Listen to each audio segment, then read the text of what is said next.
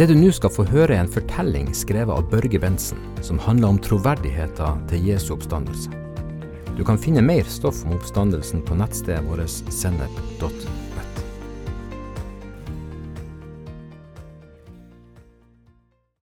Hvordan kan du vite at Jesus sto opp fra de døde? Naboen Tom hadde plutselig endra samtaleemne, og Christian ble litt paff med det samme. De hadde slått av en prat over gjerdet, og de hadde stort sett snakka om kloakkrør og drenering rundt huset. Tom så på ansiktet til Christian at han stussa. Unnskyld at jeg buser fram på denne måten. Det er bare det at jeg har sett hvordan du og familien din pleier å dra i kirka, og vel, eh, kona har faktisk begynt å bli litt interessert i kristendom og sånne greier etter å ha snakka med kona di om Gud og sånt, sa Tom. Han trakk på skuldrene og fortsatte. Jeg har ikke egentlig noe imot det, jeg forstår det bare ikke. Hun har aldri hatt sånne interesser før. Ikke har hun en sånn bakgrunn heller. Fins det noe bevis for dette med Jesus? Jeg er jo advokat, som du vet, og jeg liker jo veldig godt å holde meg til fakta og rasjonelle ting. Han smilte, nesten forlegent. Christian skjønte at dette kosta noe, så han løfta hånda avvergende mens han smilte tilbake. Det er bare fint at du spør, jeg skjønner godt at du lurer på dette, svarte Christian. Han så letta ut. Christian holdt ut hånda mot terrassen sin. Har du tid til en kopp kaffe?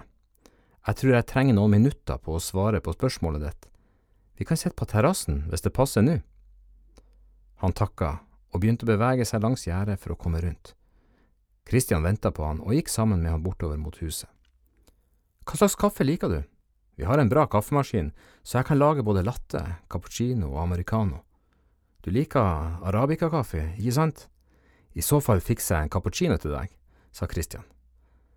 Etter kort tid satt de med hvert sitt krus på verandaen og så utover hagen. Christian gjentok spørsmålet Tom hadde stilt han noen minutter tidligere. Fins det bevis for at Jesus virkelig ble levende igjen etter at han døde på korset? Tom nikka. Ja, det er hva jeg lurer på. Jeg vet jo at tru og bevis ikke hører særlig godt sammen, så jeg forventer meg ikke så mye, men du har mer greie på dette enn meg. Fins det helt tatt noen holdepunkter for dette? spurte Tom. Han så granskende på Christian. Christian begynte å fortelle. For meg hører tro og bevis nøye sammen, men kanskje ikke sånn som folk tenker. Når det gjelder spørsmålet dette om Jesu oppstandelse, så er svaret ja. Det finnes bevis, vi har pålitelige kilder som gir oss øyenvitneskildringer eller andre typer bekreftelser på hva som skjedde med Jesus, både hans liv, hans død og oppstandelse. De mest nøyaktige og utfyllende dokumentene vi har, er i Det nye testamentet, både i de fire evangeliene, apostlenes gjerninger og Paulus første brev til korinterne. Men vi har også andre kilder enn disse, og de kommer både fra tilhengere og motstandere av Jesus. Vi vet fra disse kildene at Jesus gikk omkring og forkynte og lærte. Han helbreda syke, han ble drept ved korsfestelse, han ble lagt i ei grav, og den tredje dagen sto han opp fra grava, som han sjøl hadde forutsagt, og sånn som det var forutsagt i en rekke gamle jødiske profetier. Jaha, hvordan kan vi vite om disse rapportene er sann? svarte Tom umiddelbart. Christian fortsatte. Akkurat som for alle andre historiske påstander må man se etter bevis som støtter opp om påstanden og gjør den sannsynlig. Historikere har gjennom tida utvikla bedre metoder for å analysere historiske dokumenter. De snakker om bibliografi og interne og eksterne bevis. En ledende britisk jurist og historiker, John Warwick Montgomery, som har studert de gamle dokumentene, sier at ingen hendelser fra antikken er bedre dokumentert enn Jesu oppstandelse. Tom så vantro på han. Er ikke noe bedre dokumentert? Er ikke det å ta litt hardt i? Christian tenkte seg om før han fortsatte. Evangeliene ble skrevet svært tidlig. De fleste som hadde sett og hørt Jesus, var fremdeles i live da de ble skrevet. Det ville være vanskelig å komme med overdrevne, unøyaktige og grunnløse påstander om Jesus uten å bli korrigert av de andre som sjøl kjente fakta godt. Evangeliene sirkulerte mellom de første menighetene, og folk der visste hva som hadde skjedd. I tillegg til evangelien har vi også brev som ble skrevet av flere av de tolv nærmeste disiplene, og også av Paulus fra Tarsus som levde på den samme tida. Manuskriptene de skrev ble så kopiert av andre overalt, først og fremst på gresk, men også på flere andre språk. Ingen andre antikke tekster har så mange tidlige manuskripter. Tom nikka ettertenksom, samtidig som han tenkte så det knaka. Så spurte han, men hvordan kan vi vite at manuskriptene ikke ble endra etter hvert som tida gikk? Christian svarte, man har funnet tusener på tusener av gamle kopier av disse første manuskriptene. De finnes oftest på gresk og latin, men også på andre språk som arabisk, syrisk og koptisk. Skrivere har både oversatt og kopiert manuskripter systematisk flere ulike steder på samme tid, spredt utover i den antikke verden etter hvert som trua på Jesus ble spredt. Man kan i dag lett sammenligne de ulike manuskriptkopiene og se om noen av de er blitt endra. Tom var ikke forberedt på at Christian kunne svare så godt for seg. Han brukte noen sekunder på å tenke ut neste spørsmål. Hva sier forskninga da, har det blitt gjort endringer? Christian svarte, det som forbauser tekstforskerne er den utrolige disiplinen man ser i kopieringa av manuskriptene til Det nye testamentet. Det er en god del variasjoner, men de er små og ubetydelige, det staver feil og den slags. 99% av disse variasjonene har ingen betydning for meninga i teksten. Den ene prosenten som er igjen, endrer ingen læremessige forhold. Det gjelder for eksempel om et avsnitt er tatt med eller ikke. Finnes det variasjon av denne typen, så er det i de bibeloversettelsene vi bruker i dag beskrevet som fotnoter. Men hvorfor varierer det om enkelte avsnitt er tatt med eller ikke? spurte Tom. Man kan bare spekulere, innrømmer Christian. Vi kan for eksempel tenke oss at en av de tidlige skriverne som kopierte et evangelium, kjenner til en fortelling som de mener er autentisk, men som ikke ble tatt inn i originalmanuskriptet. En slik fortelling er om da Jesus redda ei kvinne som skulle steines på grunn av hor. Historien finnes ikke i de aller eldste manuskriptene, men opptrer likevel så tidlig i de kopiene man har funnet at mange bibeloversettelser har godkjent den og tatt den med, men da med en fotnote om saken. Inntrykket man sitter igjen med når man studerer det bibelske materialet, er at det faktisk er svært troverdig som historisk kilde. Flere historikere og tekstforskere har pekt på akkurat dette. Tom tok en ny slurk av cappuccinoen, som var blitt kaldere nå. Han hadde nesten helt glemt å drikke den, fordi Christian hadde fortalt så mange ting han ikke var klar over. Du nevnte noe om interne og eksterne bevis, spurte Tom. Christian drakk av koppen sin før han fortsatte. Ja, interne bevis handler om at forfatterne av tekstene er identifisert på en troverdig måte. De er ekte øyenvitner. De tidfester hendelser og forklarer omstendigheter, og de forteller på en nøktern måte hva som skjedde. Selv om det er variasjoner i fremstillingene fra evangelium til evangelium av hva som skjedde, så henger det i stor grad sammen. Det er omtrent som når man leser ulike aviser som beskriver samme hendelsen. Vinkling og detaljer varierer, men man skjønner at de beskriver det samme. De bibelske forfatterne gir oss mange fakta, sitater, navn, steder osv., uten å gjøre så mange tolkninger av begivenhetene eller komme med egne tanker om for eksempel konsekvenser. De har på mange måter gjort en nyhetsreporters jobb og overlater drøftinga til leseren. De gjør det dessuten klart for leserne hvorfor de skriver, sånn som legen Lukas og apostelen Johannes. Når man leser åpningsordene til Lukasevangeliet eller til Johannes første brev, så får man inntrykk av at dette er ekte øyenvitneskildringer. Hvis man skulle ønske å dra i tvil det de sier, så burde man ha en konkret grunn til å gjøre det. Christian smilte litt ertende. Tom så glimtet i øyet, og han tok seg ikke nær av det. Christian fortsatte. Når det gjelder de eksterne bevisene, så finnes det flere kilder utenom Det nye testamentet som bekrefter hovedtrekkene i fortellinga om Jesus. Vi snakker da både om andre skriftlige kilder og arkeologiske funn. En ledende forsker på Bibelens tekster, professor Gary Habermas, navngir 17 kilder utenom de bibelske tekstene, som på ulike måter bekrefter fakta om Jesus. Flere av disse er romerske, ikke-kristne kilder. Tom så imponert ut. Han utbrøt. Du kan mye om dette, skjønner jeg, men selv om de bibelske tekstene skulle være troverdige og ekte, så betyr det ikke at oppstandelsen virkelig skjedde, bare at de som skrev virkelig trodde det sjøl, stemmer ikke det?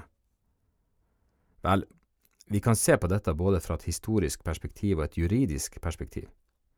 Hvis vi godtar at tekstene gir oss historiske fakta om hva som skjedde, så ville vi trenge konkrete grunner til ikke å akseptere dem. Vitneutsagnene er overbevisende og konsistent. Disiplene forventa tydeligvis ingen oppstandelse, og da de først fikk rapportene om at Jesus ikke lenger var død, så kunne de ikke tro det. De visste like så vel som oss at døde mennesker ikke blir levende igjen. Det var først da de fikk gjentatte og urokkelige bevis på at Jesus levde, at de klarte å akseptere det.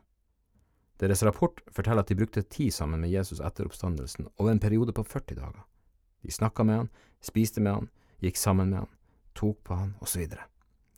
Jesus levde, det var ingen tvil om det.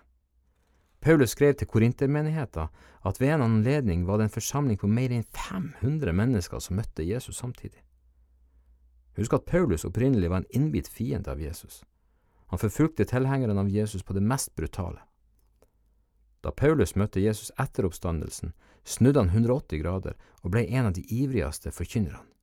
En annen navngitt skeptiker var Jakob, Jesu egen bror.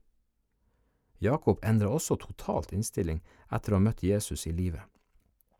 Han ble også en uredd forkynner av budskapet om Jesu oppstandelse, noe som senere kosta han livet.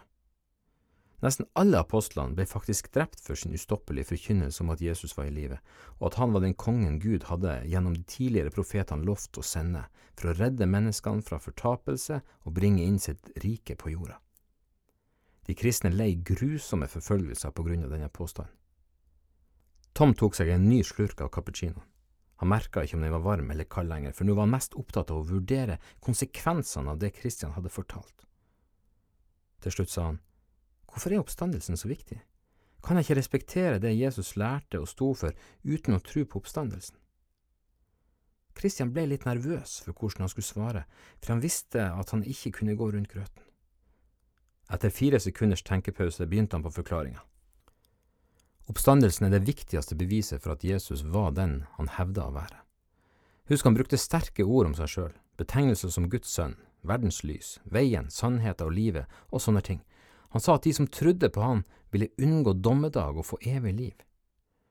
Jesus sa ikke bare følg min lære, han sa følg meg. Han kunne derfor umulig bare være en god lærer. Enten måtte han være gal, eller en farlig bedrager og folkeforfører, eller så var han virkelig den han påsto å være, Gud som ble menneske og levde iblant oss. Paulus var sjøl klar på dette da han skrev til korintermenigheten.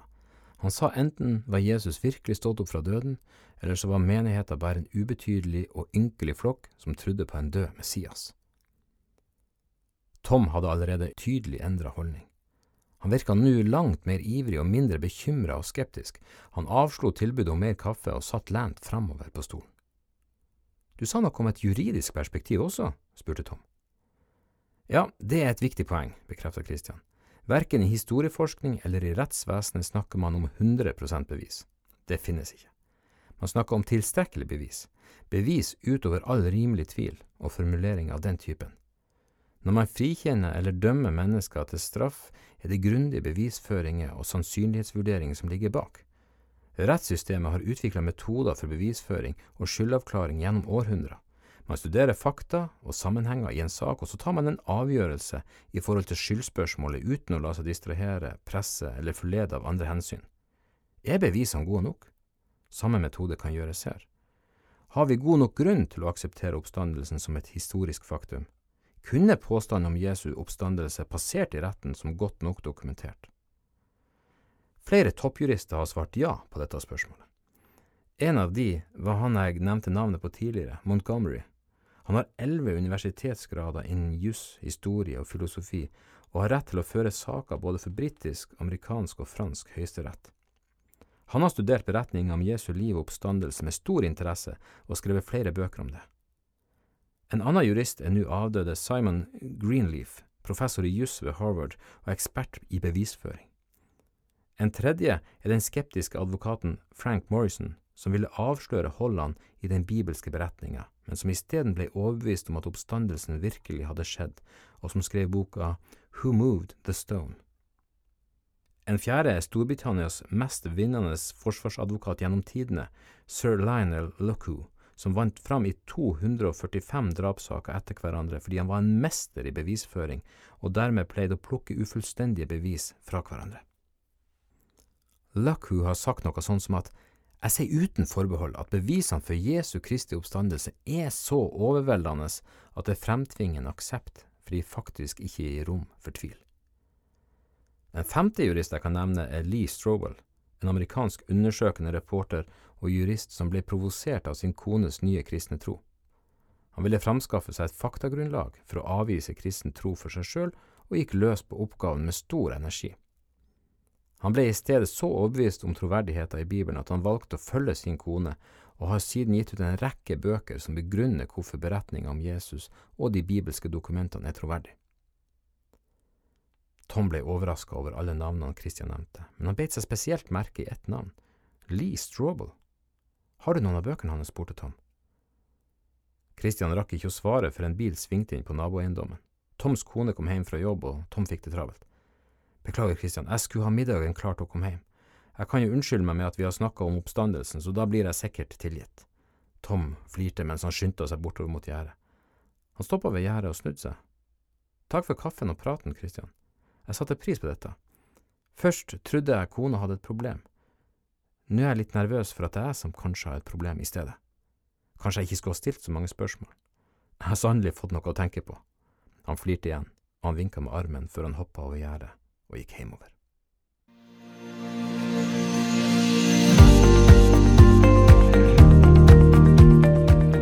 Denne fortellinga handler om påskens budskap, at Jesus døde for våre synder og sto opp igjen den tredje dagen. Hvis dette er helt nytt for deg, vil vi i Sennep oppfordre deg til å gjøre sånn som Tom. Spør en kristen du har tillit til om disse spørsmålene. Om du ikke kjenner noen kristne, ta gjerne kontakt med oss i sennep.nett via Facebook eller Instagram. Vi vil gjerne høre fra deg.